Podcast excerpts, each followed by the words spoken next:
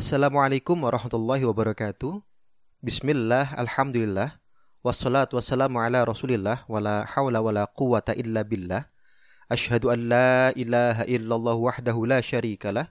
Wa ashhadu anna muhammadan abduhu wa rasuluh. La nabiya ba'dah. Allahumma sholli ala Muhammad wa ala ali Muhammad amma ba'du. Pendengar yang mudah-mudahan senantiasa dalam limpahan kasih sayang dan keberkahan Allah Subhanahu wa taala Kembali hadir di tengah-tengah Anda semua, Buletin Dakwah Kafah, edisi 153, tanggal 17 Zulhijjah 1441 Hijriah, bertepatan tanggal 7 Agustus 2020 Masehi. Insya Allah pada edisi kali ini akan mengangkat tema Perisai Islam dan Umat. Bismillahirrahmanirrahim. Rasulullah Shallallahu Alaihi Wasallam diutus oleh Allah Subhanahu Wa Taala dengan membawa risalah Islam untuk menjadi rahmat bagi semesta alam, rahmatan lil alamin. Sebagaimana dalam surat Al-Anbiya ayat 107. Rahmatan lil alamin mewujud dalam ragam kemaslahatan dan terhalanginya berbagai kemafsadatan.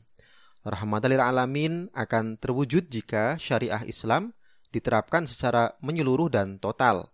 Penerapan syariah Islam secara menyeluruh dan total jelas membutuhkan adanya kekuasaan, karena itulah Rasulullah Shallallahu Alaihi Wasallam diperintah untuk meminta kekuasaan kepada Allah sebagaimana dalam firman-Nya Quran surat Al-Isra ayat 80. A'udzu billahi minasyaitonir rajim. Bismillahirrahmanirrahim. Wa qur rabbi adkhilni mudkhala sidqi wa akhrijni mukhraja sidqi waj'al li min ladunka sultanan nasira. Katakanlah Muhammad, Tuhanku, masukkanlah aku dengan cara masuk yang benar dan keluarkanlah aku dengan cara keluar yang benar, serta berikanlah kepada diriku dari sisi engkau kekuasaan yang menolong. Imam Ibnu Kasir mengutip Qatadah menyatakan, dalam ayat ini jelas Rasulullah menyadari bahwa tidak ada kemampuan bagi beliau untuk menegakkan agama ini kecuali dengan kekuasaan.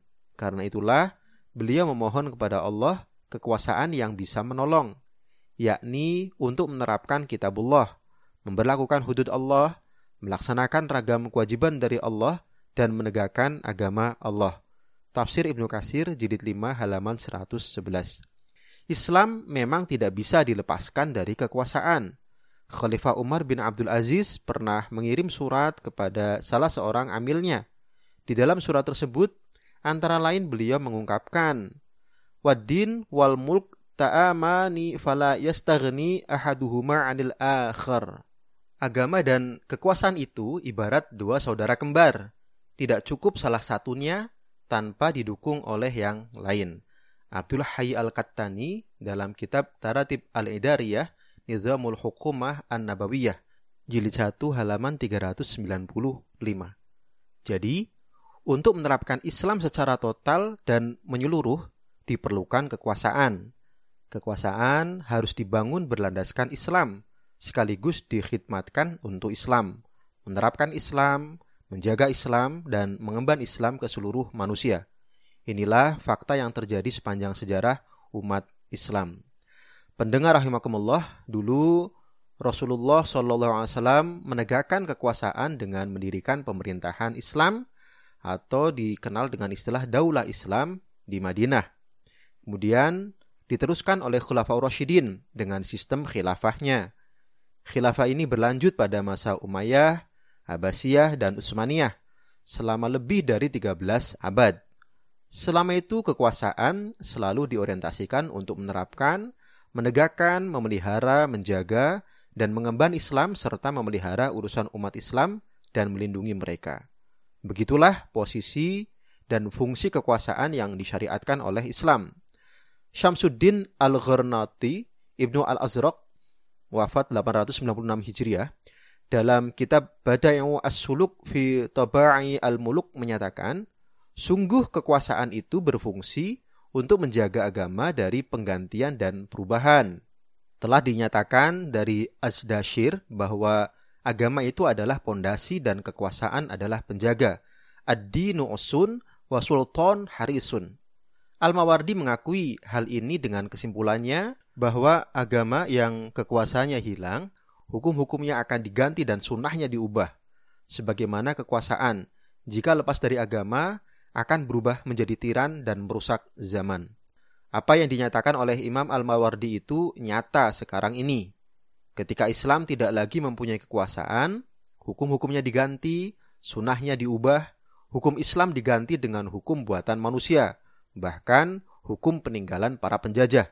Ajaran-ajaran Islam pun distigma buruk bahkan dikriminalisasi, termasuk para pengembannya. Ironisnya, hal itu dilakukan bukan hanya oleh orang-orang kafir, tetapi juga oleh mereka yang mengaku muslim. Jihad dan khilafah yang merupakan ajaran Islam dikriminalisasi serta dianggap sebagai bahaya yang mengancam dan bagian dari konten radikal dalam makna negatif. Begitu pula hukum jilbab dan pakaian syar'i jenggot, poligami, waris, penyembelihan syar'i dan lain-lain, semua diserang, dianggap tak manusiawi dan dituding sebagai bentuk keterbelakangan. Ajaran Islam diubah atas nama moderasi, padahal moderasi Islam sejatinya adalah menyesuaikan ajaran Islam dengan model dan keinginan barat kafir. Umat Islam digiring untuk membenci ajaran Islam dan syariahnya. Umat Islam diformat agar menjadi manusia sekuler, hanya menggunakan Islam dalam urusan privat, lalu mencampakkan Islam dan syariahnya dalam urusan publik kemasyarakatan. Pendengar rahimakumullah, kekuasaan Islam mewujud dalam format daulah Islam pada masa Rasulullah Shallallahu alaihi wasallam. Lalu dilanjutkan dengan sistem khilafah Islam oleh para sahabat pada masa Khulafaur Rasyidin. Kemudian dilanjutkan lagi oleh khilafah Umayyah, khilafah Abbasiyah, dan berikutnya khilafah Utsmaniyah. Sepanjang sejarahnya, khilafah terus menjadi perisai yang menjaga kemuliaan Islam, pelaksanaan hukum-hukumnya, dan kemurnian ajarannya. Khilafah pun terus mendakwahkan Islam ke seluruh dunia. Kekuasaan Islam atau khilafah juga menjadi perisai bagi umat Islam. Khilafah menjaga kemuliaan kaum muslim dan melindungi mereka dari mara bahaya. Hal itu terus berlangsung sepanjang eksistensi kekuasaan Islam selama tidak kurang dari 13 abad. Ibnu Hisham dalam sirahnya menceritakan, ketika ada seorang pedagang muslim yang dibunuh beramai-ramai oleh kaum Yahudi Bani Qainuqa karena membela kehormatan seorang muslimah yang disingkap pakaiannya oleh pedagang Yahudi, Rasulullah segera mengirim pasukan kaum muslim untuk memerangi mereka dan mengusir mereka dari Madinah setelah mengepung perkampungan mereka selama 15 malam. Dalam kitab Sirah Ibnu Hisham jilid 3 halaman 9 sampai 11. Pembelaan terhadap kehormatan dan darah kaum muslim terus dilakukan oleh para penguasa muslim sepanjang sejarah.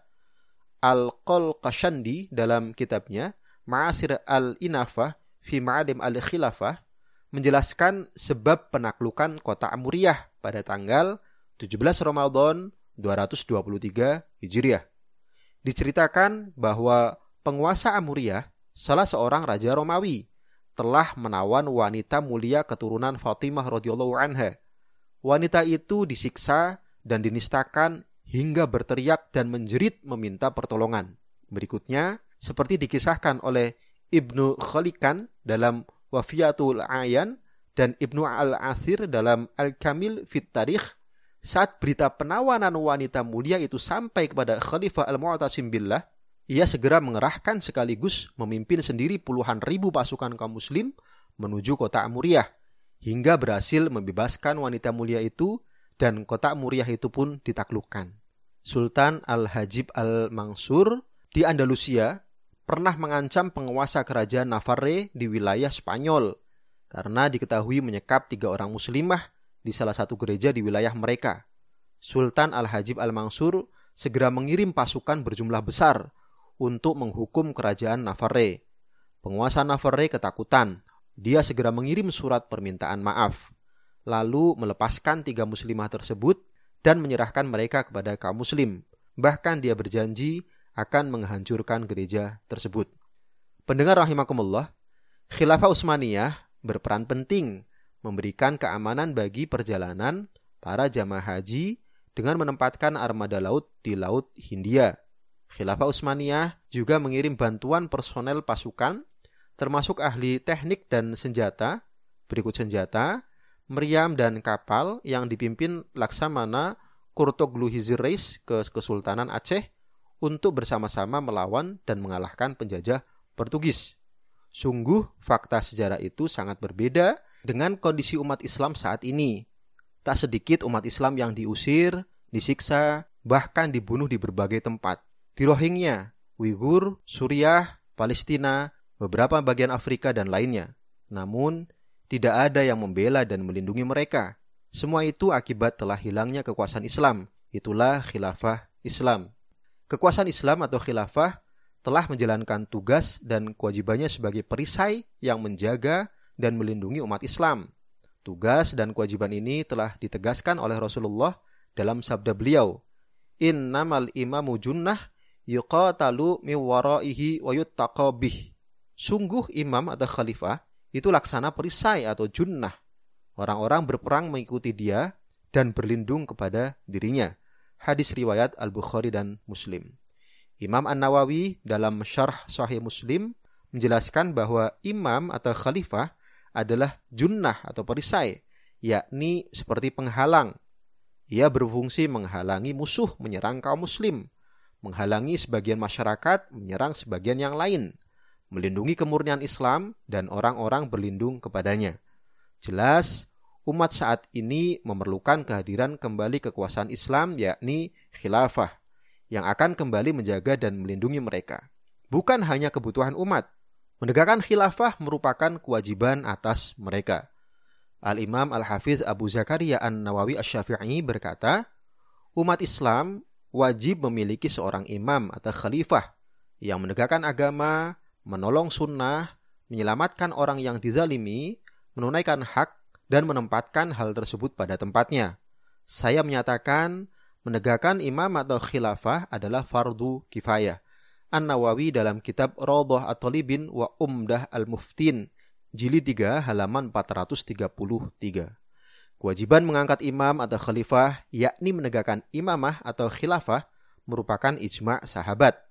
Ini seperti ditegaskan antara lain oleh Imam Ibnu Hajar al-Haythami dalam As-Sawa'iq Al-Muhriqah. Sungguh para sahabat telah berijma bahwa mengangkat seorang imam atau khalifah setelah zaman kenabian adalah wajib. Bahkan mereka menjadikan kewajiban ini sebagai kewajiban paling penting ahammi al-wajibat. Imam Al-Ghazali di dalam Al-Mustafa jilid 1 halaman 14 menegaskan bahwa ijma sahabat itu tidak bisa dinasakh atau dihapuskan atau dibatalkan. Apalagi dibatalkan oleh kesepakatan orang zaman sekarang jikapun kesepakatan itu ada. Wallahu alam biswab. Demikian buletin kafah edisi 153 tentang perisai Islam dan umat. Mudah-mudahan Allah Subhanahu wa taala segera menurunkan pertolongannya berupa berdirinya khilafah Islamiyah yang insya Allah nanti akan menjadi perisai Islam dan kaum muslimin. Demikian, wassalamualaikum warahmatullahi wabarakatuh.